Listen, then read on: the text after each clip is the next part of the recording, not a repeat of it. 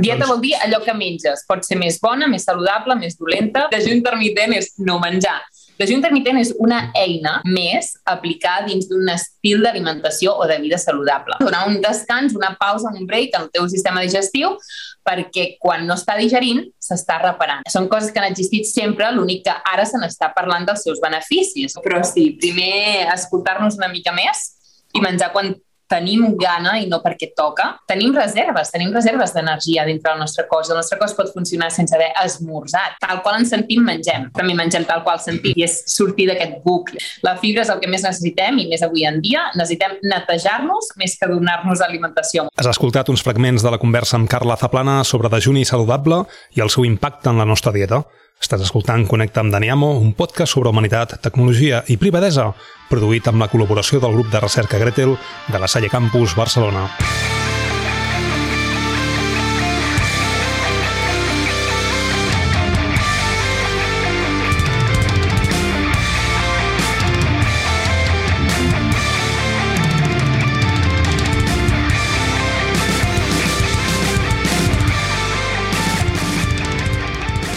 Hola, Carla, com estàs? Hola, Daniel, molt bé. Molt bé, un plaer estar aquí amb tu. Molt bé, fora de micro estàvem comentant doncs, que no pares, no? no? Jo, escoltant molts episodis que has entrevistat, moltes entrevistes que t'han fet i moltes xerrades, um, ets una persona superinquieta. No, no, pares, no, no, no pares quieta, però no pares quieta en temes d'estudiar, en temes d'aprendre, en temes d'emprendre i en temes, a més, de mobilitat. No? Ara mateix comentaven que estàs, si es pot dir, a, a Mèxic, no? Sí, a Mèxic. Recent arribada a Mèxic. Fa 20 dies estava a dalt del Machu Picchu. estava a Perú. Hòstia. I, quan, sí. I quan portaves a Perú? Uh, des, de, des del confinament, des del març de 2020 em va enganxar allà, literal. Vaig anar de vacances de 10 dies i tres dies abans de tornar a Barcelona mm, el govern va declarar estat d'emergència i tots mm. confinats. Déu I ja vaig quedar allà. I a fer vida, el que passa que això, trontoll, ara en parlarem, eh? Um, quan te'n vas a un altre país, jo sóc celíac, com em vaig de viatge, jo pateixo moltíssim. Ara acabo de veure una notícia que els plats, uh, plats reciclables poden estar fets amb blat o inclús amb pasta, reciclada, amb la qual cosa haig d'anar en compte amb el, amb, fins i tot amb els plats eh, reciclats. No? Llavors en parlarem, no? Eh, de dietes, de menjars... Eh, jo sóc celíac, m'interessa moltíssim la teva posició, ja, ja ho hem comentat fora micro, eh? em sembla molt interessant. Um, I em vaig conèixer, també vaig conèixer per TV3, doncs una persona també doncs, que, de que sos moltíssim per televisió i per, i per mèdies, i em va interessar, no? I vaig estar buscant informació teva, tens la teva pàgina web que es diu, si no m'equivoco, carlazaplana.com. Uh, mm -hmm. I doncs, vaig aprendre moltíssimes coses a tu i després vas escriure moltíssims llibres. Eh, ets, ets, ets una persona que em sembla que cada any, des del 2015, uh, pot ser? Que has sí. estat escrivint un, un llibre cada any. Espe, espe, no sé com ho fas, ja m'ho explicaràs. Jo. jo tampoc, jo tampoc tenia Però passa, passa. Ja. Al final, jo, jo n'he escrit tres de llibres, eh? i n'estic escrivint dos més, però perquè, perquè jo penso que som dues persones que també ens agrada moltíssim viure moltes experiències, no? però és que tu n'has viscut moltes. I, um, ets nascuda a Catalunya, si no m'equivoco, sí. no? La Costa uh, Brava. Costa Brava. A més a més, volies fer ADE i vas acabar fent nutrició. Sí, pels oposats, és a dir, no tenen res. Com és això? Com és que vas acabar fent aquesta, aquest canvi? Doncs res, jo, jo o sigui, anava amb l'objectiu de, de viatjar pel món, no? I pensar, doncs, com? Doncs, empresària, em veia sent empresària o, no sé, o comercial, comerç internacional o alguna cosa així. O sigui, l'objectiu era viatjar i conèixer gent i i, i això, no? I per això, i, bueno, pues a casa, bueno, la família doncs, emprenedora o, i bueno, doncs, potser portava la sang, no? I va arribar el moment d'anar a la universitat, jo tenia clar que volia anar a la universitat a estudiar, i, i bé, doncs estava enfocada en això, però a últim moment, bueno, canvis a casa, canvis de mentalitat en una mateixa, just en el moment, jo ja havia fet proves per entrar a estudiar i tot, però mira, vaig decidir que, que no, que volia fer un canvi, que volia una cosa com més no sé, com més del servei, no? que tot, tot serveix, o sigui, tot ajuda, no? però més al servei o més al contacte tu, de tu a tu amb la persona vaig dir, ostres, doncs deixa'm, deixa'm revisar. Tinc clar que vull marxar a viure a Barcelona, tinc clar que vull anar a la universitat. A veure, ara quines opcions tinc? I vaig treure la llista un altre cop de les carreres universitàries que s'han a Barcelona i anar llegint, anar llegint, anar llegint, dic, dietètica i nutrició humana. Dic, ostres, això és una carrera universitària? Perquè ja tenia, ja m'agradava el tema de la nutrició, no? I vaig dir, això és una carrera universitària? Dic, ja està, aquesta és la meva ho vaig comunicar a casa i em van dir, però això, saps? Si és que passaràs gana, no?, estudiant aquest tema. I dic, bueno, oi que la condició és que estudi una carrera? Doncs ja està, ja l'he trobat. Després ja veurem el que serà. I així va ser. Vaig estudiar a la Ramon Llull, mm -hmm. quatre anys, i, i a partir d'aquí és quan ja vaig despegar, em vaig anar a viure als Estats Units i allà vaig seguir formant-me amb més aquesta variant d'alimentació que estic divulgant, no? que estic compartint ara mm -hmm. mateix. Així va ser. De, de fet, de fet, el tema empresarial eh, no has fet una carrera, però et portes una forta carrera al darrere. És a dir, al final has mesclat les dues coses, no? Al final sí, i he viatjat pel món, saps? Però amb nutrició. bueno, o sigui... al, fi, al final també tens uh, les teves històries, no? Tens raïces, tens el teu, uh, els teus vídeos que penges, no? A YouTube jo t'he vist moltíssim, tens els teus Instagrams, vull dir que al final uh, ets, ets emprenedora de mena i tot i que no vagis estudiat, penso que també ho estàs aprenent d'alguna forma d'alguna sí. forma o una altra. També he escoltat, sí, també he escoltat, i és una cosa que, que jo em vaig preocupar moltíssim en tema d'alimentació, no? I quan, sobretot tens filles, eh? jo tinc dues filles, i la de 10, doncs, li han diagnosticat celiaquia també, però va passar un any un any perquè li diagnostiquessin uh, celiaquia. Sempre ha tingut molestes, històries, i fins als 10, fins que no va tenir uns mal de panxes horribles, i tot i tenint-los tampoc li feien la prova celiaquia, van voler descartar moltíssimes coses, no? Um, doncs no li, no li van trobar. No? Llavors em vaig interessar per les carreres uh, de medicina i vaig estar mirant quantes assignatures o quants crèdits sobre nutrició uh, estudien. És que no n'hi ha. És a dir, en algunes universitats o no n'hi ha i en altres és com optativa. La nutrició és com un... Uh, un, un algo desconegut que la medicina eh, científica no es dona. Llavors, clar, en, comences a entendre moltes coses, no? Com pot ser que una gastroenteròloga o un endocrí um, cometi faltes... No. Uh, exacte, no? Llavors, uh, jo em sembla que tu vas tenir una, una experiència similar, no? És a dir, que al final entres a la dietètica i t'ensenyen moltes coses d'una cosa, no? Però poques d'una altra. Correcte, sí. sí. És el que jo vaig estudiar a la carrera és la nutrició convencional, que es dona doncs, en el currículum no? convencional de les carreres i llavors va ser jo fora per al meu, per al meu interès, la meva curiositat, que m'he anat formant en aquesta nutrició més uh, funcional, no? més uh, integradora, més holística i que concep i considera altres alternatives d'alimentació. No? Uh, I crec que, bueno, per mi, jo és amb la que crec, és la que poso en pràctica, és la que divulgo i, i a mi a mi m'ha funcionat moltíssim, no? I no quedar-nos en patrons o estudis de fa 30, 20 o 50 anys, quan ara actualment cada vegada hi ha més uh, investigacions, més estudis i més literatura científica que recolza tots aquests nous descobriments, no? com una alimentació més neta, més conscient, també posa-li més basada en, en plantes o en ingredients d'origen vegetal, també pot contribuir a molts beneficis i prevenció de moltes malalties, sobretot malalties degeneratives i malalties que estan molt presents en la societat d'avui en dia. No? Sí, és que en, en, ens passem de moltes coses. No? De fet, als anys 70 hi va haver un estudi doncs, que deia que les grasses eren molt xungues i que els sucres eren molt bons. No? La qual cosa, doncs, Kellogg's va començar a créixer, uh, la llet era el millor del món, amb la qual cosa fota-li uh, crispies, no? fota-li cereals i llet pel matí i tindràs uns fills fantàstics. No? Exacte, i una llet enriquida amb més calcis i omega-3, uns cereals uh, que li posen totes les vitamines de la, la Z i tot aliments funcionals que l'únic que fan és enriquir les butxaques de la indústria alimentària, però tu et va buidant les teves reserves energètiques i deteriorant la teva salut.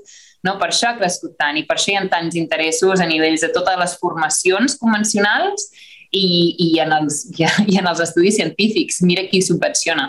Perquè Clar. si subvenciona una beguda no, no direm noms, però si subvenciona una, una beguda, si subvenciona una indústria noms, alimentària... Eh? És igual. Uh, sí?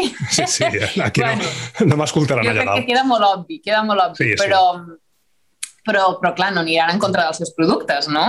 I, està, està clar. I, i normalment són empreses que tenen un bon capital o per, per investigar, un, o tenen un budget no? per, per I+D important i són les que porten a cap, les que lleven a cabo, no? les que donen a terme sí, sí. tots aquests estudis. No? Sí, sí. Òbviament buscaran resultats, perquè jo sento, o sigui, jo defenso la ciència, uh, he estudiat una carrera de ciències, la ciència ens ha ajudat moltíssim a desenvolupar-nos, a entendre com funciona el nostre organisme, a entendre com funciona la nostra salut, a entendre molt més de la nutrició, perquè funciona el coenzima Q10, perquè funciona aquell altre enzima, perquè funciona aquella vitamina i tot, però al cap i a la fi és per entendre-ho, però la ciència també es basa en la naturalesa, no? I la naturalesa és un ser canviant, constantment. I la ciència s'acosta a la naturalesa, és una observació, no? Llavors, no que es pugui manipular, però qualsevol resultat que tu vulguis trobar en un estudi el trobaràs, perquè hi ha mil maneres de mirar un elefant, no?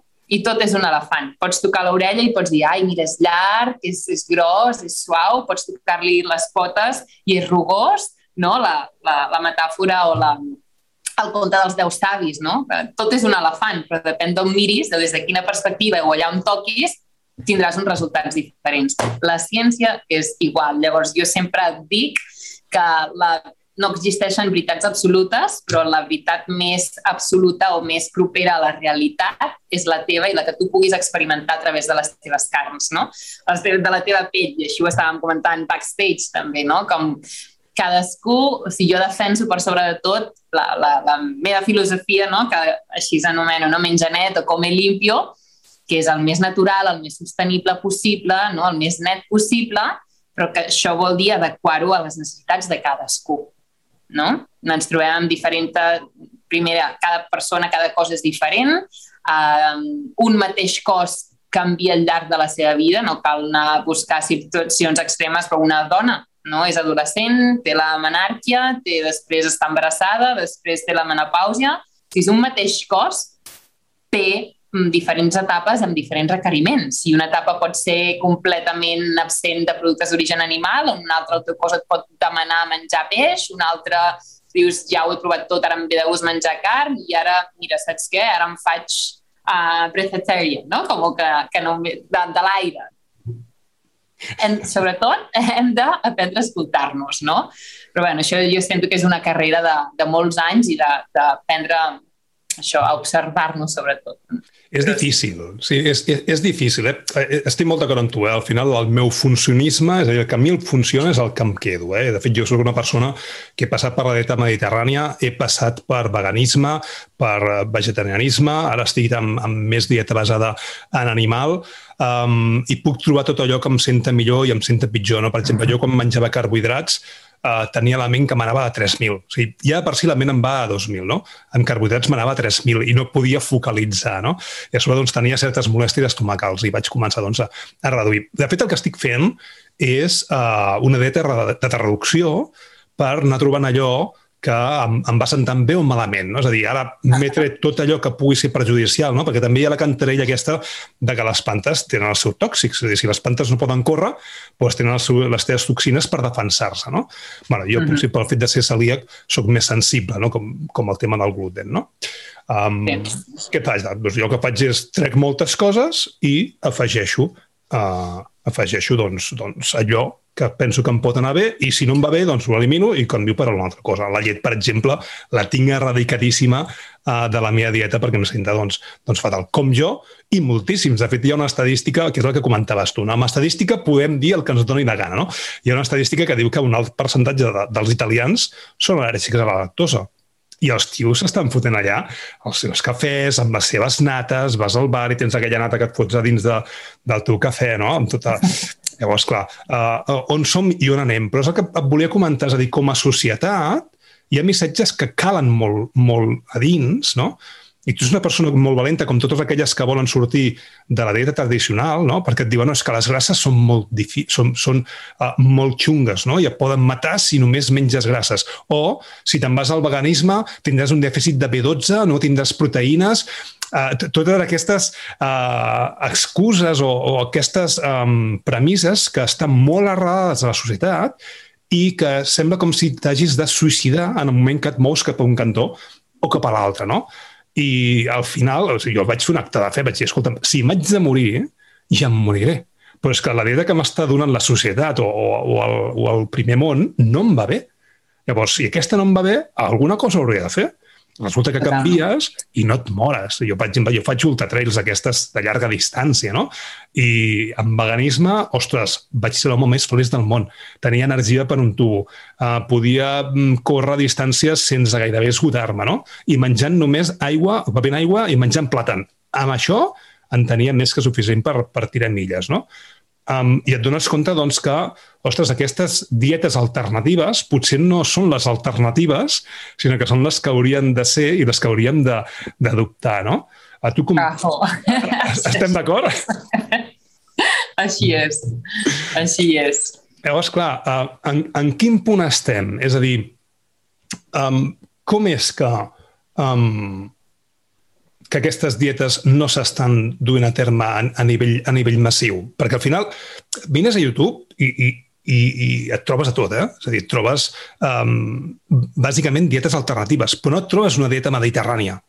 M'explico? És a dir, la dieta mediterrània pots trobar en un blusón, no? Et pots trobar com si fos un punt d'un blusón, però en coses molt concretes. No sé si m'explico. És a dir, com és que uh, continuem amb, amb aquestes dietes que al final els hi posem etiqueta a tot, però estem menjant tan malament?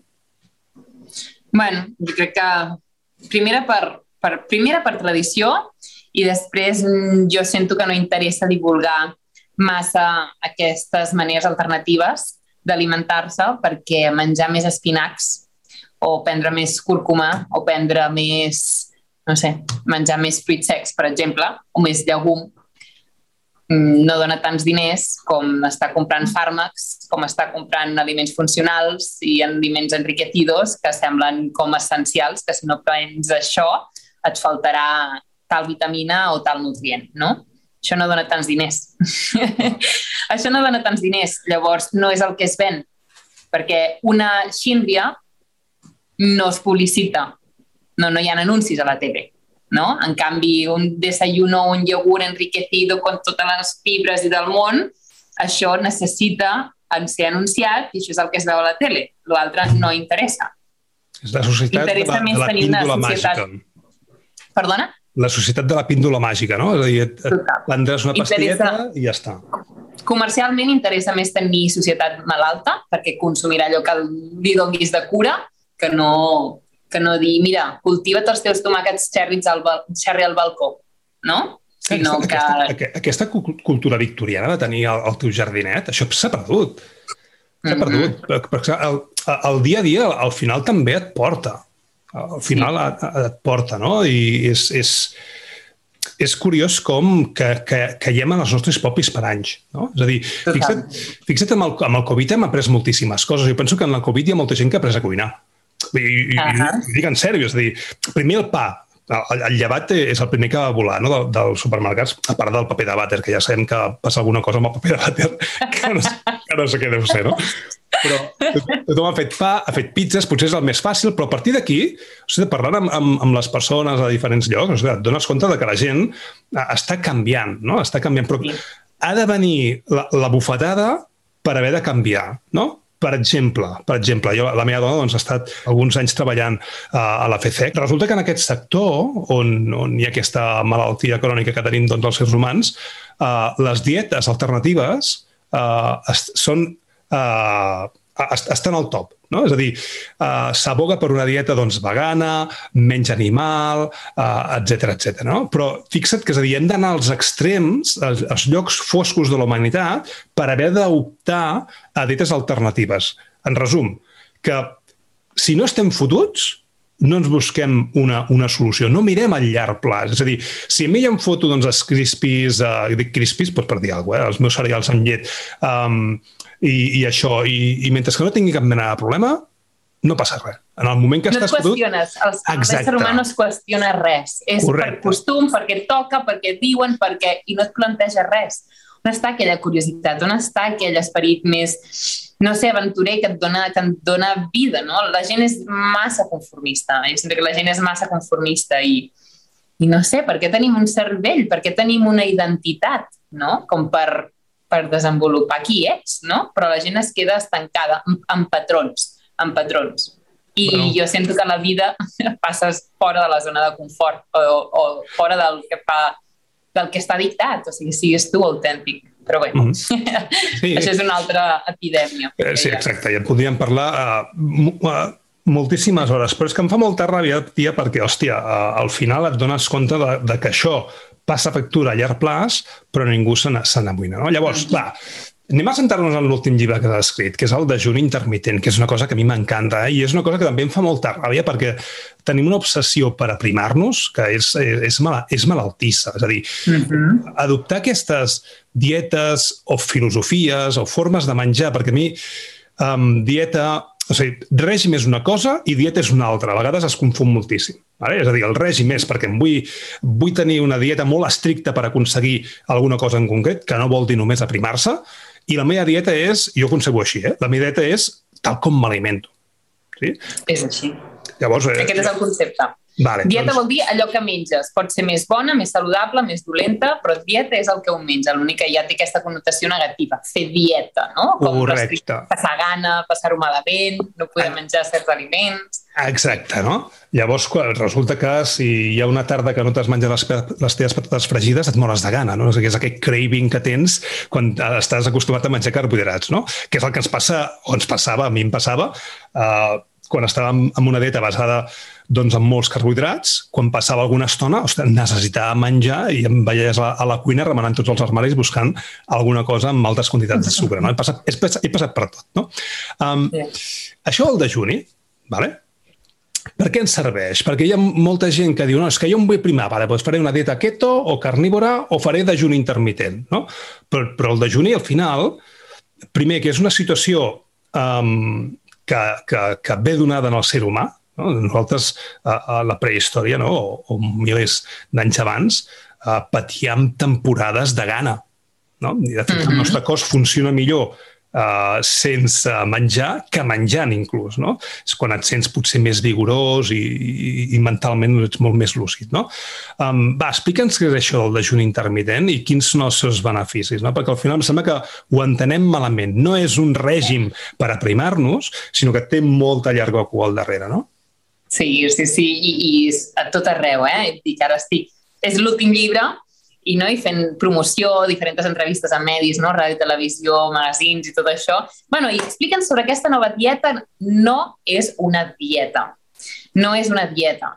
Al contrari, és no menjar. Dieta és allò que menges, no? el dejú intermitent és no menjar.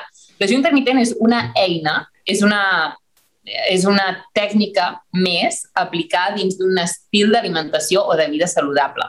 Dejuni intermitent vol dir donar un repòs, fer un descans digestiu.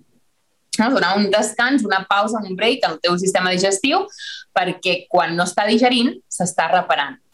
Val? Està activant mecanismes de recopilar tota la brutícia que ha d'expulsar, s'està reparant, perquè, òbviament, hi ha un desgast a nivell de parets intestinals, dels gàstrics, etc etc. i dones espai a això. Una metàfora, un símil que podríem dir és un restaurant que no pot estar obert 24 hores al dia. S'ha de tancar en algun moment, per què? Per fer neteja i per repostar. No? Doncs, doncs el cos també necessita això. Llavors, descans digestiu, simplement pues, té, té lògica, com tu necessites descansar a la nit per recuperar energies i eh, recompostar el teu cos, el mateix el sistema digestiu. No? Llavors, quan més espai dones, més temps de reparació i de neteja que també estàs donant dintre del teu organisme. No? I això és el dejuni intermitent. I com molt bé dius tu, això és una tècnica, una eina que ha existit des de sempre, de fet, ara li posem nom a les coses, no? Dejuni intermitent, superaliments... Clar, són coses que han existit sempre, l'únic que ara se n'està parlant dels seus beneficis, no? I sense donar-nos en compte, no? ara es parla molt del dejuni intermitent de, de, de 16 a 8, no? però és que a partir de les 12 hores ja és un bon dejuni intermitent. I 12 hores molt, o sigui, parles no, de 12 hores sense menjar. Ostres, que moriré de gana. Quanta gent, i després fas reflexionar quantes vegades, o quants caps de setmana, sobretot, tu sopes a les 8 i mitja, 9, mm, posa-hi, i no esmorzes fins les 10 o les 11. Perdona, aquí han passat 12 hores i més. No t'has mort ni te n'has enterat i això és un dejuni intermitent, un bon descans digestiu. Es tracta simplement d'això, no? i, i que ara s'ha agafat, s'han vist els beneficis i que un d'ells és la desinflamació i que contribueix i ajuda a baixar de pes si ho necessites, sí, això està científicament provat, això jo ho he pogut provar en les meves carns, amb els meus pacients, eh, és sabut, però aquest n'és un dels beneficis. N'hi ha molts més altres, no? I gent amb un pes normal, jo també recomano segons, sempre m'agrada parlar de la bioindividualitat, no? Si és cada persona és completament diferent i cada persona se, se, es pot ajustar qualsevol tècnica, qualsevol tipus o estil d'alimentació que segueixi, no? Però tothom se'n pot beneficiar. Hi ha alguns casos contraindicats, no?, que en podem parlar també, però tothom se'n pot beneficiar perquè no només rebaixa inflamació, que pots estar molt prim però tenir una gran inflamació dins del teu cos i això et pot ajudar, um, baixar de pes, però també pujar els nivells d'energia. Com tu dius, a vegades tens més energia quan no menges que quan menges. Per què? Perquè el sistema digestiu pren més del 50% de l'energia que el cos necessita per viure dia a dia. Llavors, si tu fas digestions molt més lleugeres, si fas una bona combinació dels aliments, eh, menges eh, el que necessites i no de més, i, i prens aquest descans, tota aquesta energia que el teu cos acumularà per tenir-la tu, per poder realitzar les teves activitats diàries i no concentrar-te en fer les digestions, no? I és més, la població, un percentatge molt, molt gran té problemes digestius i, i això pren molta energia. Colon irritable, gastritis, el SIBO, refluxe, tot això té un desgast energètic físic i mental que, que ens anem tots arrossegant pel terra, no? Llavors, el dejuni intermitent pot ajudar a, a sanejar tot això, no?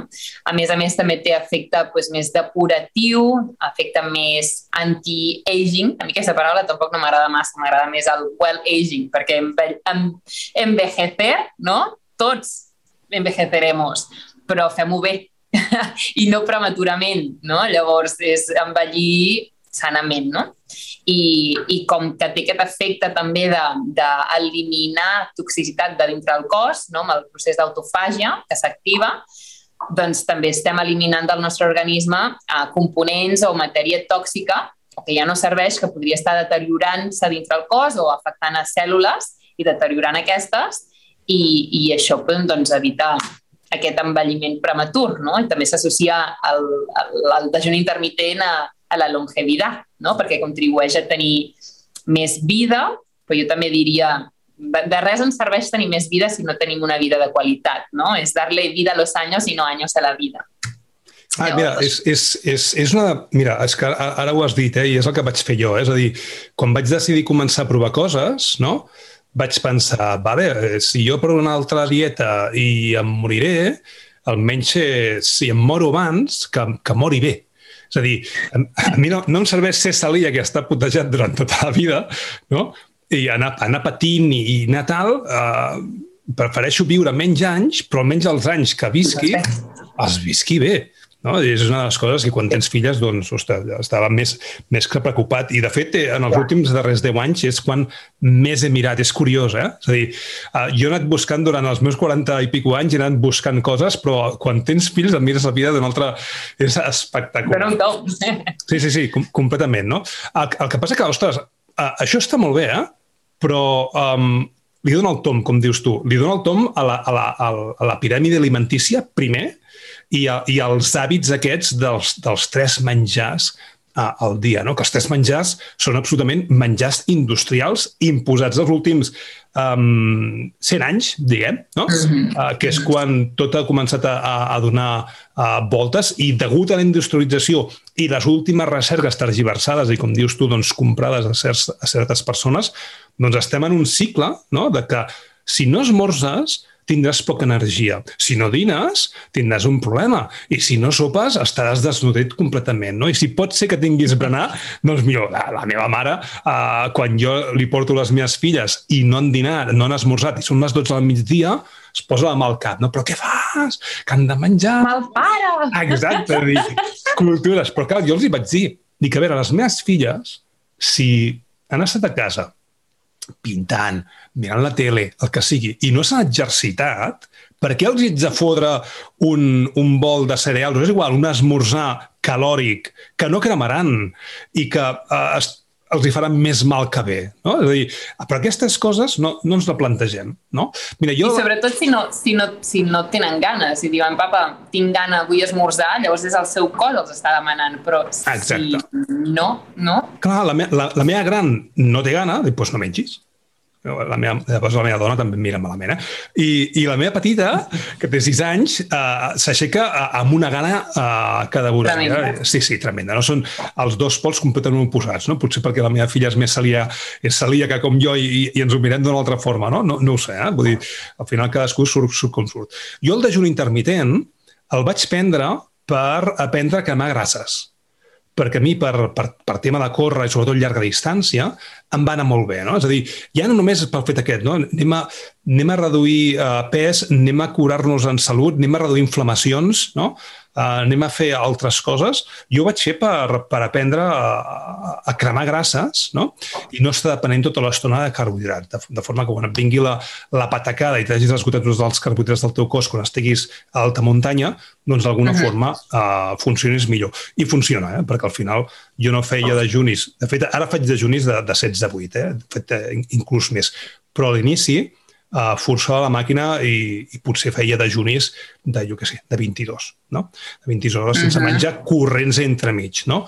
Per acostumar, oh. doncs, clar, per acostumar al cos. No? Al final cadascú tortura el seu cos com, com vol. Com vol. no? Però, ostres, eh, la idea aquesta de, de trencar, perquè al final breakfast, la paraula breakfast és... És ayuda Exacte, desayuno, és a dir, trenca l'ajuni, no? És, és una cosa que potser no ens havíem adonat, no? Llavors, quan vols trencar l'ajuni? De quina manera vols trencar l'ajuni? No? I, i, I de quina manera aprofitaràs això per estar saludable? Perquè, evidentment, si ara la gent comença a dir, ah, doncs jo, no, jo només dino, tens un problema dir, les coses s'han de fer bé, no pots agafar i dir, no, no, ah, ostres, és que no menjar és bo. Vale, doncs elimino de les tres dietes, dels tres menjars, n'elimino dos i així segur doncs, que estaré com, com, un, com un fideuet yeah. i estaré molt sa. No? Com, com ho hem de fer? No? És a dir, de quina forma hem d'encarar uh, aquest dejuni intermitent? Qui el vulgui encarar per la raó que sigui, eh? és a dir, evidentment doncs, hem de fer les coses bé. Mm -hmm. Bueno, has, has tocat molts punts, ja, no? Ja ho sé, Però... sempre el mateix. Has tirat molt, molts punts, però, però sí, primer escoltar-nos una mica més i menjar quan tenim gana i no perquè toca, val? escoltar una mica més el cos. Això de menjar cinc vegades al dia, mm, quin... O sigui, està com, com una mica imposat. Jo mai ho he defensat, però perquè sento això, mínim deixar una mica d'espai, descans digestiu, si no estàs tot el, tot el dia fent fent cremar el teu cos i fent-lo treballar, no hi ha un descans ni una neteja. I després, eh, el tema de l'esport, doncs sí, s'ha vist, no? i en el llibre hi poso, fet referència a molts estudis, no? vist eh, com ha aplicat el dejuni intermitent en deportistes o deportistes d'èlit, com els ajuda també al seu rendiment esportiu i també a nivells de recuperació i, i bé, estàs en dejú, el que passa quan un està en dejú, a part d'encendre el mecanisme de l'autofàgia, quan han passat les 14-16 hores, a partir cada cosa és diferent i no vol dir que a les 11.55 no s'hagi activat o a les 12 i 5 minuts s'hagi activat. No és una ciència exacta. Temperatures, el sexe, l'activitat física, de, de diferents condicions de la persona uh, i l'edat, no? Uh, doncs modulen o modifiquen una mica els tempos, no? Però però sí que també s'encén aquest mecanisme anomenat cetogènesis, no? que és el plan B del cos. És a dir, quan un està en dejú, els nivells de glucosa o de sucre en sang disminueixen molt. No? La glucosa és la primera font d'aliment de les nostres cèl·lules i quan portem moltes hores de, sense menjar, doncs els nivells de glucosa en sang disminueixen molt. Que, quin és el plan B del cos? No? Perquè tenim pla també de la la Z, com deia. I el plan B és utilitzar reserves de lípids, de greixos, no? També tenim les proteïnes, no? Per això és quan ens desnutrim també el cos fa servir les proteïnes, la musculatura. Però bé, la cetogènesis és aquest procés en el qual el cos fa servir les reserves de greix, eh, transforma els lípids en cossos cetogènics i les cèl·lules són capaces de fer servir aquests, uh, aquestes ketos, no? aquests cossos cetogènics, uh, com a font d'energia. Llavors, bueno, és aquí quan es crema greix no? per produir energia i per aquí, així perdem massa lipídica o massa greixosa no? quan estem posant en pràctica doncs, aquesta tècnica no? d'alimentació, diguéssim. I, I bé, això a nivell atlètic no? o, el, o per perdre pes doncs, defineix molt més la musculatura, sobretot si l'estàs exercitant. Perquè la musculatura es defineix si la fas servir. De res serveix menjar més proteïna si no indiques en el teu cos no, on vols que es, que es posi. No? Has de mobilitzar la musculatura per dir, eh, cap allà van els, els, els blocs, no? les rajoles. I, i això, això passa. No? Moltes, molta gent ara també ha començat a practicar esport amb dejú, no? És que pràcticament tenim reserves, tenim reserves d'energia dintre del nostre cos. El nostre cos pot funcionar sense haver esmorzat. No? I, com deia, si la digestió comporta eh, suposa tanta, tanta energia, no? i et poses a practicar esport, encara que hagi passat una hora, el teu cos encara està fent la digestió d'allò que has menjat. Llavors, tens part de la teva energia fent la digestió, part de la teva energia en la musculatura per fer l'esport, que està... En canvi, si ho fas o practiques amb dejú, tot el teu esforç, tota la teva energia està enfocada a realitzar aquella performance, no? diguéssim, mm -hmm. esportiu, i per això es veuen millors resultats. No? I també doncs, a nivell de definició, inflamació, retenció de líquids, això, això també passa. Clar. Llavors, no només esport, eh? no, sí, sí, no, no només esport, eh? en el dia a dia també es nota. Eh? De fet, eh, sí, és el sí. que et comentava. És a, mi, a, a mi quan prenia molts carbohidrats o, o esmorzava carbohidrats o sopava carbohidrats, uh, m'aixecava inclús amb, amb la ment túrbia. Potser per això són ja coses de, de celiaquisme. Eh? M'aixecava amb, amb ment túrbia. I el fet de no esmorzar i començar a menjar a les 12 o inclús a les 11, eh? però més tard, ostres, eh, la meva feina és, és, és, jo soc professor universitari i estic fent recerca, ostres, estar concentrat amb un focus al 100% sense tenir molèsties intestinals, sense sentir la pesadesa de la digestió, ostres, és tot un món. És, és, és no sentir-se malament. No, no és que és sentir-se bé, és no tenir cap molèstia que et faci uh -huh. sentir malament. I això, ostres, és, és un abans i un després, eh? Totalment. I, I bé, Daniel, parles dels carbohidrats i en el teu cas, obvi, no? Sense celíac, doncs tot el, tot el que té gluten fora i, a més a més, doncs si tens un... Hi ha diferents graus de, de bueno, qui és celíac, qui és celíac és celíac, no? Però moltes vegades també això pot comportar tenir per sensibilitat alguns cereals o alguns grans que no tenen gluten, però igualment tenen alguns components que a tu t'afecten, no? Com comentàvem també backstage. Però, um, de fet, aquí els, els carbohidrats tampoc s'han de... no són malèfics, no? no? Això va a diferents condicions del cos, però sempre quan parlem de carbohidrats ve el pa, les farines, la pastisseria, la bruixeria, però és que l'arròs és un carbohidrat, o l'arròs integral, o la quinoa, o el mill, o el blat serraí, i no tenen gluten.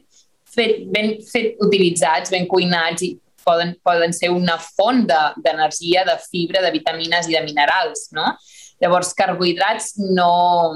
Dintre de la paraula carbohidrats hem de diferenciar els carbohidrats dolents o que no són tan bons o beneficiosos per la teva salut i altres que sí, la fruita és un carbohidrat, els vegetals són carbohidrats, val? però hi ha diferents categories i diferents qualitats de carbohidrat, no? i els que hem d'evitar és sobretot són els refinats, els que són exempts de fibra i els que, i els que no ens aporten més que sucres. No? Aquests completament fora, aquests que carreguen el teu sistema digestiu, el teu sistema nerviós, afecten els nivells de glucosa i insulina en sang i tot això és el que contribueix a males digestions, no? Llavors, bueno, tot, tot això, tot això. I, i el tema de, dels diferents àpats i posar en pràctica el dejú intermitent, clar, depèn de, de quantes hores de dejú, de dejú estàs fent, no? Però si fas una, una finestra d'hores de, de, de no menjar d'unes 16 hores, doncs tens... Em sents bé? Perquè ja... Sí, sí, perfecte. Sí, sí, vale. van passant coses, ja, però no, no preocupis, ja ho ja eliminaré. Sí, ho sé, ho sé. D'acord. És com, bueno... Um, coses passen, és el directe, vida, és el directe. La vida. doncs depèn de, de quan llarga és aquesta finestra d'hores de dejú. Clar, llavors et queda l'altra finestra en la que dius, ok, doncs en aquesta finestra d'hores puc menjar més gran o més petita, no? Doncs no és el mateix 8 hores que, que 12 hores o, o 6 hores, no? Llavors, aquí, eh, distribuir 6 àpats o 5 àpats és com em passo el dia menjant. No, no és bo, és que ja ni, ni tens gana, no? I doncs si fas això 12 hores, doncs potser sí que et caben, et, et queden tres àpats, no? Potser més suau, el dos una mica més potents, però no et caben cinc. O si fas 16, doncs trenques el dejú amb un brunch, per dir-hi, no? O sigui, és un mig esmorzar, dinar, ja al migdia, dines aviat, i després fas un berenar sopar. No? I, I amb això ja estàs complet. No? I fas un dejuni d'unes 16 hores, ara el que has de procurar és que les vegades que mengis aquells plats siguin nutritius, et nutreixin i no et desnutreixin, no? Llavors, quins són els elements més importants que hem de considerar? Jo primer de tot diria la fibra. La fibra és el que més necessitem i més avui en dia. Necessitem netejar-nos més que donar-nos alimentació moltes vegades, perquè és el que ens entra dintre el cos i és tòxic, que ens emmalalteix, més que allò que els hi posem, no? que, que li posem. Llavors, fibra, ric en fibra, i segon, ric també en proteïna. No? La proteïna és essencial. I el carbohidrat no em preocupa tant perquè el trobarem en tot arreu, en vegetals, en fruita i si prenem algun gra integral, allà, allà ho trobarem. No? Llavors hem de mirar de prendre doncs, proteïna de qualitat i un cop més recordar que la proteïna no només ve de la carn, de l'ou i del peix, sinó que trobem proteïna també a les llegums, a cereals complets com el blat sarraí o la quinoa o el mill, i també en, els, en, la, en les llavors i els fruits secs. Allà també són gran font de proteïna d'origen vegetal i també de greixos saludables. És un dels altres, fibra, proteïna de qualitat i greixos saludables. Això és el que contribuirà a una bona salut a nivell endocrí, no? a nivell de, un hormonal, i, i també ens ajudarà a construir musculatura. Per reconstituir musculatura no només necessitem els brics, no? els, els, uh, com les rajoles, necessitem la pasta, diguéssim, per construir, no? Doncs aquests són els àcids grassos essencials, no? com el conegut i famós omega-3. Llavors, això és el que hem de considerar. Les grasses són essencials, ara anem a buscar les de bona qualitat, no? Greixos sí, sí. Uh, insaturats. I, I no vull que se'm malinterpreti eh, amb, amb coses que he dit. Eh, a mi qualsevol dieta que doni resultat uh, és bona. Eh? A mi, mm, uh -huh. jo, jo he sigut vegà durant un, un any sencer, eh? I li he complicat la vida tota la meva família, sobretot quan era Nadal. Eh? Llavors, uh, són aquestes coses que, que, que, que prens les decisions i, i ho fas. I he descobert moltes coses i, i he, he pogut pujar de massa muscular, he pogut fer les meves uh, entrenaments de força, les meves carreres ultratrails. De fet, ha sigut uh, potser la millor època de la meva vida en quant a carreres de trail. De fet, uh, l'octubre passat vaig fer un, un repte de 120 quilòmetres corrent descalç, jo corro descalç, són aquestes coses que, que, que faig. uh, hobbies. Exacte, hobbies. um, I ho vaig fer doncs, per, per una bona causa, no? per una, una protectora d'aquí de, de Mataró, no? de, de Catalunya. I que vaig va. córrer 120 quilòmetres descalç, uh, alimentant-me a base d'aigua, de plàtans i, i, i poca cosa més. No? I era quan, quan era, era vegà, eh? i, i superbé, és a dir, no, no, no, no estic eh, fent cap mena de crítica, uh -huh. al revés, si no, no estaríem parlant tu i jo uh, en absolut, no? I, i dono fe que, que si ho fas bé, pots aconseguir resultats uh, molt positius. Però uh -huh. ho, ho has de fer bé, no? I aquí em remeto també, i ho posaré a les notes del programa, tots els teus llibres, eh? perquè uh, comentant això de, de la fibra tens dos llibres molt interessants, que és un de sucs i un de batuts, si no m'equivoco, no? Sí, sí. I en aquests, doncs, expliques uh, com poder fer, poses receptes, no?, de com poder fer doncs, aquests batuts, primer posant la fibra, no?, i després doncs, mm -hmm. fent, fent la resta. Sí, sí, sí, sí, sí. No, i, i sobretot el tema de, de, de fer-ho bé, per això el títol del llibre, i jo li posaria una altra coletilla també, no?, de, de juny intermitent saludable i jo li posaria i conscient, val? perquè ara mateix el que dèiem, no? ai no, jo pues, deixo de menjar durant 12 hores o 16 hores perquè em vull aprimar, no? i passes una gana tremenda uh, i quan trenques el dejuni menges qualsevol cosa i vinga, no? No, o sigui, és una eina més, jo sempre dic, comença per menjar bé, equilibrat, el més net possible, i després tu vas afegint cireretes al pastís, no? Vas ampliant coses, però de res serveix que facis ayuno intermitente i quan el trenques mengis qualsevol porqueria o mengis malament. Val? Si estaràs arreglant una cosa o intentant trobar els beneficis a una tècnica, però després ho estaràs embrutint o destrossant per un altre cantó. O, o pot fer l'efecte no. rebot, no? Inclús. O l'efecte rebot, no? Llavors, primer això, aprèn per què ho fas, com ho fas, quins són els beneficis i fes-ho correctament i després també de forma conscient, no? Quan jo vaig una miqueta més enllà, jo de fet concebo la, la salut més enllà de lo físic, no? L'estat l'estat positiu o, o salut o equilibrat del cos, sinó a nivell cognitiu, a nivell de mental, a nivell emocional, a nivell, jo me n'aniria també a nivell espiritual i energètic, perquè som tots aquests cossos, no? Tenim molts cossos, no? Físic, cognitiu, energètic, espiritual, emocional, ho som tots. I quan algun d'aquests està en desequilibri, la nostra salut tampoc és correcta per més fibra i més verd que mengem. No? Llavors s'ha de considerar tot.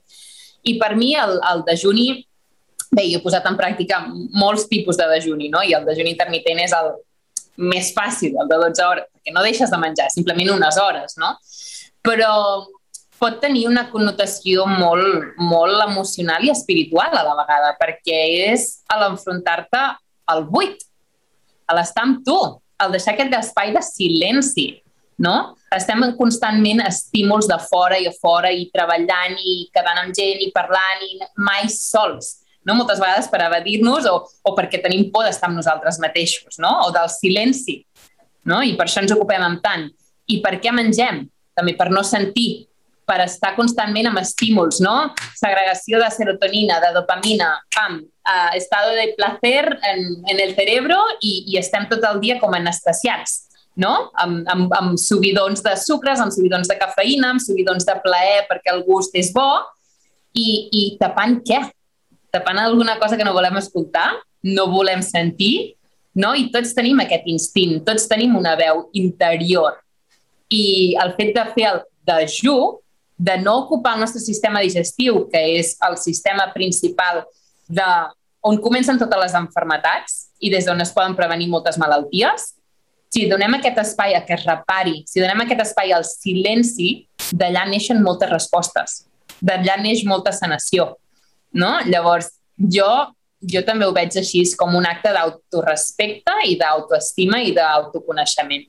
No? I és tot molt psicològic. Ai, és que em moriré de gana, ai, és que... No, quan busques raons i tens motius per fer el que fas, quants més en tinguis, amb més, amb més convenciment ho estaràs posant en pràctica. I quan saps i et cuides i t'estimes i saps que porta aquests beneficis, més enllà de, ai, m'aprimo, més enllà de, uh, és que um, se'm desinflamaran les cames o les cuixes, i ho fas per al teu ser, per la teva essència, això et dona molta fortalesa. Sí, sí, no, no, és, és, és bàsic escoltar-se i saber escoltar-se, eh?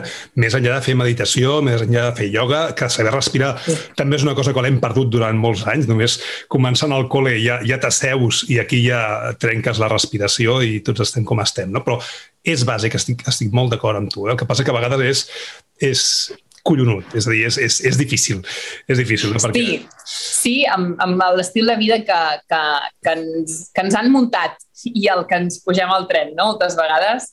Per sí. això a vegades ser transgressor o sortir del sistema és com... Ah! Però, però a mi, és el millor. A mi, a mi ja se'm coneix, eh? Sí, sí, a mi ja m'és igual, eh? Vull dir, però a mi moltes vegades a llocs on vaig ja sempre se'm coneix. Hòstia, mira el Dani, el, el, el que fa coses, no?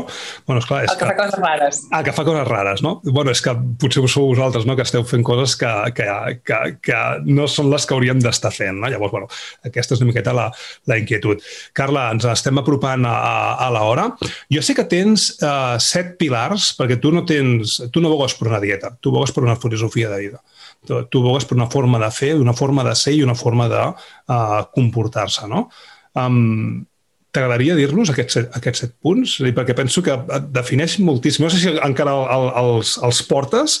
Uh, sí, sí, sí, així sí. endavant. Sí, sí, sempre, sempre és que són molt bàsics i molts de, de sentit comú, ¿no? Quan em diuen, eh, és la creadora aquí, aquí m'he és la creadora de la filosofia del moviment Come Limpio. Però sí, sí, però és que no m'he o sigui, no, no inventat res. Yeah. No m'he inventat res, he posat en, en ordre per mi per després poder... De, I tot va començar així, eh? Me'n recordo, 2013, quan vivia a San Diego, Califòrnia, anava... I quan no tenia feina, pràcticament, estava començant, feia poc que estava als Estats Units i així, i que vaig començar a escriure, no? perquè em preguntaven, sobretot amigues de la universitat, és que tu, tu, tu menges molt raro, molt diferent, saps? Com, com entens la nutrició? Però això que fas, això no ens ho han explicat a la classe, no? I vaig dir, mira, saps què? Vaig escriure el que faig, vaig escriure com penso, com veig la nutrició, no? I d'allà va començar a sortir tot. D'allà va començar a sortir el llibre Com limpio, que al final va sortir, es va publicar el 2018 o 19, no? El, el, el 19, crec. Imagina't, imagina't quants anys després, però és que havia de sortir en aquell moment, perquè imagina't tot el que he viscut, après eh, i en el meu propi cos des de llavors, no? Però, però sí, sí, segueixo amb, les, amb els mateixos pilars i bàsicament són, són set, però que resumidament, perquè si no ens prendria una hora més, sí, sí. Uh, és, és um, ja et dic, no m'he inventat res, és, és coherència, és com lògica, no? I el primer és... Sí, però falta eliminar... algú, que li, fa, falta algú que posi ordre. És a dir, al final el, el, el món està molt desorganitzat, eh? I fa falta sí. algunes mentalitats que ho posin en coherència. Una mica, bueno, capricorniana, allò, al directe i al gran i pragmàtica, no? Doncs um, la primera és intenta eliminar el màxim de toxines de, de la teva alimentació o de la teva nutrició. Jo diferencio alimentació de nutrició. Alimentar-te no? a través de la boca, nutrir-te, et nutreixes a, a molts nivells i en molts sentits. No? Llavors, intenta eliminar el màxim de toxines de la teva nutrició. Sí, òbviament parlem del, del plat, no? anem a buscar aliments que siguin el menys processats possibles, el, aliments que siguin el més naturals possible, aliments que tinguin components a dintre seu que ajudin els òrgans de neteja natural, com són el fetge, els ronyons, els pulmons, la pell, no? a, a que funcionin correctament. Uh, tot això són filtres, són filtres que s'engeguen sobretot a la nit quan descansem, per això és tan important descansar i dormir correctament, perquè si no aquest procés es, es es, tren es trenca, no? es, queda interromput i, i, i no es du a terme correctament, no? Però, però tenim aliments, no? I tots els que estem escoltant aquest podcast i tots els que estem en aquesta, en aquesta onda, doncs ho sabem, que tenim a l'abast una eina molt potent i és allò que posem al nostre plat, que pot ser verè, veneno, verí, perdó, faig un spanglish, unes coses una barreja, pot ser, pot ser uh, verí o pot ser panacea, no? Llavors, un dels meus professors de angiogènesis, que és de bueno, cardiopatia i tot això, deia que, que tenim la capacitat de donar-nos quimio dos tres vegades al dia. No? Cada vegada que mengem podem donar al cos aliments que tenen components que tenen propietats, no? doncs anticancerígenes no? o, o amb efecte uh, antioxidant. Llavors, ser-ne conscients de tot això, no? que tenim aquesta eina molt potent, que ho fem cada dia intentar buscar la millor qualitat, no? I aquí ja va més enllà, no només en el plat, les pràctiques, els estils de vida, o sigui, és l'aire que inhalem, l'aigua que prenem, tot això també té components tòxics que, que ingerim dintre el nostre cos a través de la respiració, a través de, de, de prendre aquests líquids, a través de tot allò que apliquem a la nostra pell, a través dels poros de la pell, absorbim tot el que posem sobre la nostra pell, ho absorbim a un 60%. I tot això no preocupis, no preocupis. Va, va, va al torrent sanguini, vale? potser no, no ho provem de, de gust amb la nostra llengua, però, però sí que passa a la nostra sang i ens alimenta o ens intoxica, no? Uh mhm. -huh. Llavors van intentar buscar doncs, productes d'higiene més naturals, lliure de químics, eh, productes d'higiene corporal també més orgànics, més naturals, perquè al cap i a la fi tot això ens arriba, no? Clar. Les radiacions, els wifis, l'estrès, tot això és toxicitat i està comprovat com afecta negativament al nostre cos. Llavors, per això parlo de que com el limpio menja net no és un estil d'alimentació, és, un, és un estil de vida. no? perquè involucra més enllà del plat. Llavors, això és la 1. La 2 és el, intentar menjar el menys processat possible, que, que bé, en els aliments envasats, processats, moltes vegades llegim la llista d'ingredients i hi ha ingredients que no sabem ni pronunciar, no? Semblen trabalengües. I si tu no els coneixes, el teu cos encara els reconeixerà menys i els tractarà com si fos una toxina. Jo tinc una norma. Si hi ha un producte que els ingredients són un paràgraf, no me'l menjo. Perquè, clar, eh, és a dir, és a dir el, el concepte de processat és quan, ja te, quan tens una frase ja no, ja no és un paràgraf. Quan tens una frase, ah, descarta'l. Per això jo he deixat de menjar productes específics per celíacs, perquè és que són... Bueno, tens la Bíblia en verso. Em sentava més malament que bé, vaig i fora. Clar, clar, clar. És que és millor menjar-te un pa d'espelt, no en el teu cas, no? però algú que és hipersensible el gluten i és millor menjar-te un pa d'espelta natural, que és espelta i aigua, i una mica de sal, no, que no o, algú sense gluten. Clar, i, o el meu cas blat, serras, blat serrassem, una miqueta de, de llevat i para de comptar, vull dir que al final... Saps? Exacte. tu ja saps que quan entres en un supermercat, i ens entenem, eh, trobaràs de tot i és molt difícil ser proactiu per trobar aquelles coses que, que poden sentar. Correcte. Mm. És, és així. Bé, doncs, doncs la segona premissa és aquesta, intenta menjar, és que real food has no label, que deien, no? Hi havia sentit. És que el menjar de veritat no té etiqueta. Una poma no té una etiqueta. No necessita una llista d'ingredients. Un, un grapat de nous o d'ametlles no necessita una llista d'ingredients, no? Llavors, menja, menja això. Menja menjar de veritat, no? La tercera és intenta eliminar doncs, de la teva alimentació aquells aliments que estan ja vistos i comprovats que tendeixen a provocar més al·lèrgia o intoleràncies, sobretot hipersensibilitat, no? I aquí jo inclouria els làctics, el gluten, o aliments que poden, o begudes que poden ser addictives, no? Vigila, vigila amb les addiccions. I quanta gent és addicta al cafè? No estic diabolitzant el cafè, a mi també m'encanta, m'encanta sí, eh? l'aroma, jo he escrit un, he, escrit un llibre eh, que es diu Descafeïna't, eh? Vull dir que... Ah, sí? Ja parlo d'això, que al final tu no ets productiu prenent cafè, ets addicte al cafè i el necessites ah, per ser productiu i rendir el mateix. És dir, científicament, si tu estàs addicte al cafè, no rendiràs més. Et donarà la sensació de que rendeixes més, però estàs mm. rendint a la teva normalitat o inclús un palet menys totalment d'acord amb tu, no? I, i, i pots prendre... Jo, jo, el prenc, jo el prenc ara per plaer no sé, quan em ve de gust, pot, pot, pot passar un any literal sense prendre un cafè i o potser en una setmana en prenc dos, no sé, depèn, saps? O, o però, tres, però... el prens perquè et ve de gust, o inclús Correcte. per un moment que necessites, dir, haig d'estar despert o qualsevol cosa, però no de forma sistemàtica. És quan sistematitzem que ens, ens fotem les coses en l'aire. Exacte, i ja quan està, bé, quan faig depuracions, no?, o guio a la, a la gent a fer depuracions on no està permès el cafè, no saps els símptomes depuratius o de desintoxicació que pateixen. O sigui, és el pitjor, els mals de caps, les nàusees. Llavors, quan tu estàs enganxat a un menjar o a un aliment o una beguda o una persona no, que en tens tanta dependència, allò no és una relació sana. Llavors, talla amb això. És un tòxic. És un tòxic. Sigui una beguda, un cafè, una persona, una situació si en depens d'aquesta manera per poder estar viu, on de tu en depèn la teva vida, perquè quanta gent diu, no, jo és que si no me tomo un cafè no soy persona. Perdona? Li dones tot el teu poder a una tasseta d'una beguda? Anem molt malament, però quanta gent viu així, no? Llavors, bueno, aquesta és la tercera premissa. Intenta eliminar, o si més no, reduir de la teva alimentació de la teva vida aquests aliments que provoquen això, no? Després, el quart és... Um, vale, hem eliminat tot això, que, que sí, no? que, que, que li donem. Uh, bueno, com ha de ser l'alimentació? Doncs jo en dic uh, una alimentació antiinflamatòria, una alimentació antioxidant, una alimentació que et deixi un residu alcalí dins del teu cos i una alimentació depurativa no?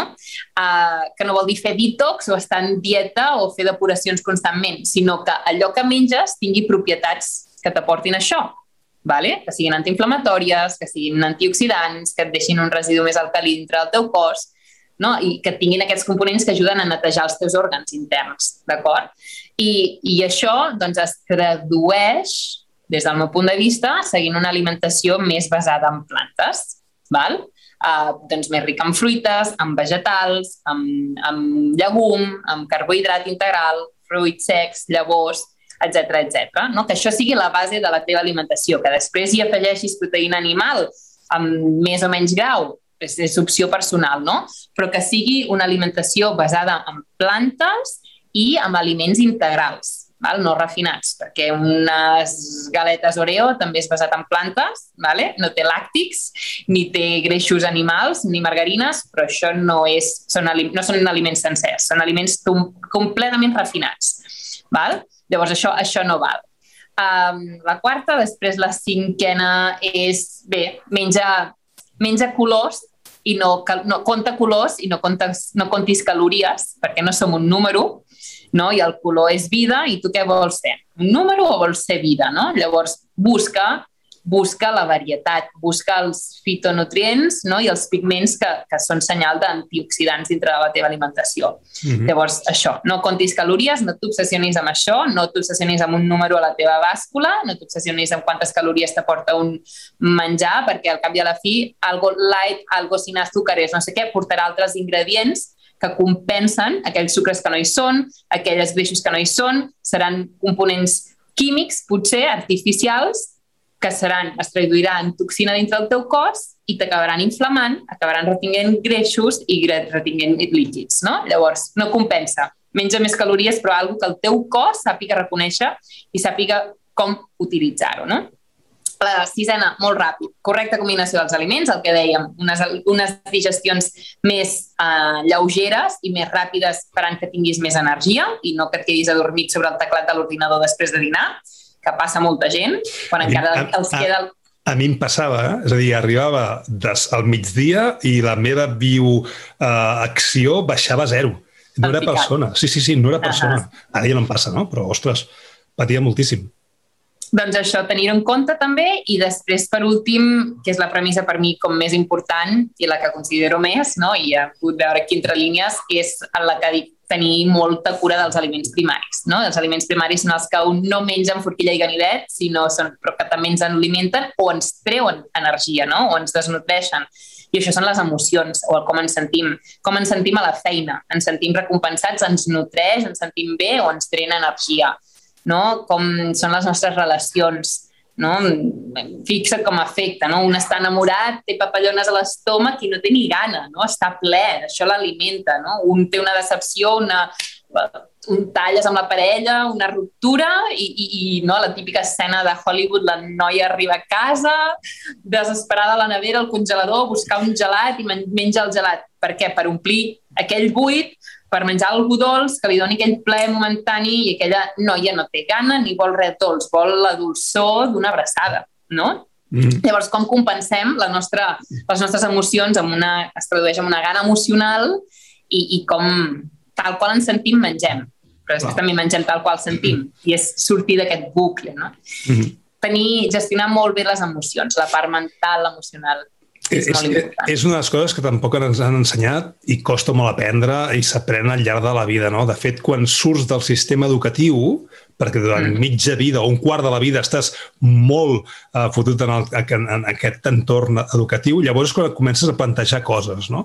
D'aquí ve també la crisi dels 40, no? és a dir, quan tens temps no? per començar a, a dir, vale, ara qui sóc, ara què faig, què realment vull fer, perquè porto 40 anys d'alguna forma uh, en aquesta roda. No? I m'alegro que hi hagi persones com tu que, que, que no hagi arribat a aquestes edats per haver de fer-nos canviar. No? Deixem recordar el títol del llibre, que es diu Dejuni intermitent saludable, guanya energia i salut, millora el teu descans i potencia la teva longevitat, no? És a dir, és tot el que hem estat parlant doncs, fins ara, no? I, i jo dono fe, és a dir, uh, dietes basades en plantes, ben portades, et fan doncs, que tinguis una energia uh, brutal i que no t'adormis al migdia, que és el que em passa a mi. Fins que no vaig fer el canvi, hòstia, era un autèntic suplici. Carla, moltes gràcies. Ens estem passant doncs, ja una miqueta de, de, del temps. Agraeixo moltíssim uh, aquesta segona oportunitat perquè la primera no va ser possible, a la segona doncs... doncs Un plaer. A les notes del programa posaré tots els teus uh, llibres, vale? perquè és un lloc on l'audiència hi, pot, uh, hi pot accedir i sobretot doncs, que es comenci a practicar aquest de juni. Uh, et convido a la propera que treguis un llibre que deu ser doncs, uh, d'aquí sis mesos, no? d'aquí més o menys, perquè pel temps... Com ho saps? Com ho saps? Pel temps que, que a més, estàs a més, publicant. aquesta setmana estic enfocadíssima a, a enviar ja el borrador i Molt bé. Ostres, és, és, és un descans, eh? És a dir, quan envies el llibre a l'editorial és com sí. dir, fora, ja, ja està, ja, ja he parit, no? Molt bé, doncs, doncs moltes gràcies i, i fins la propera.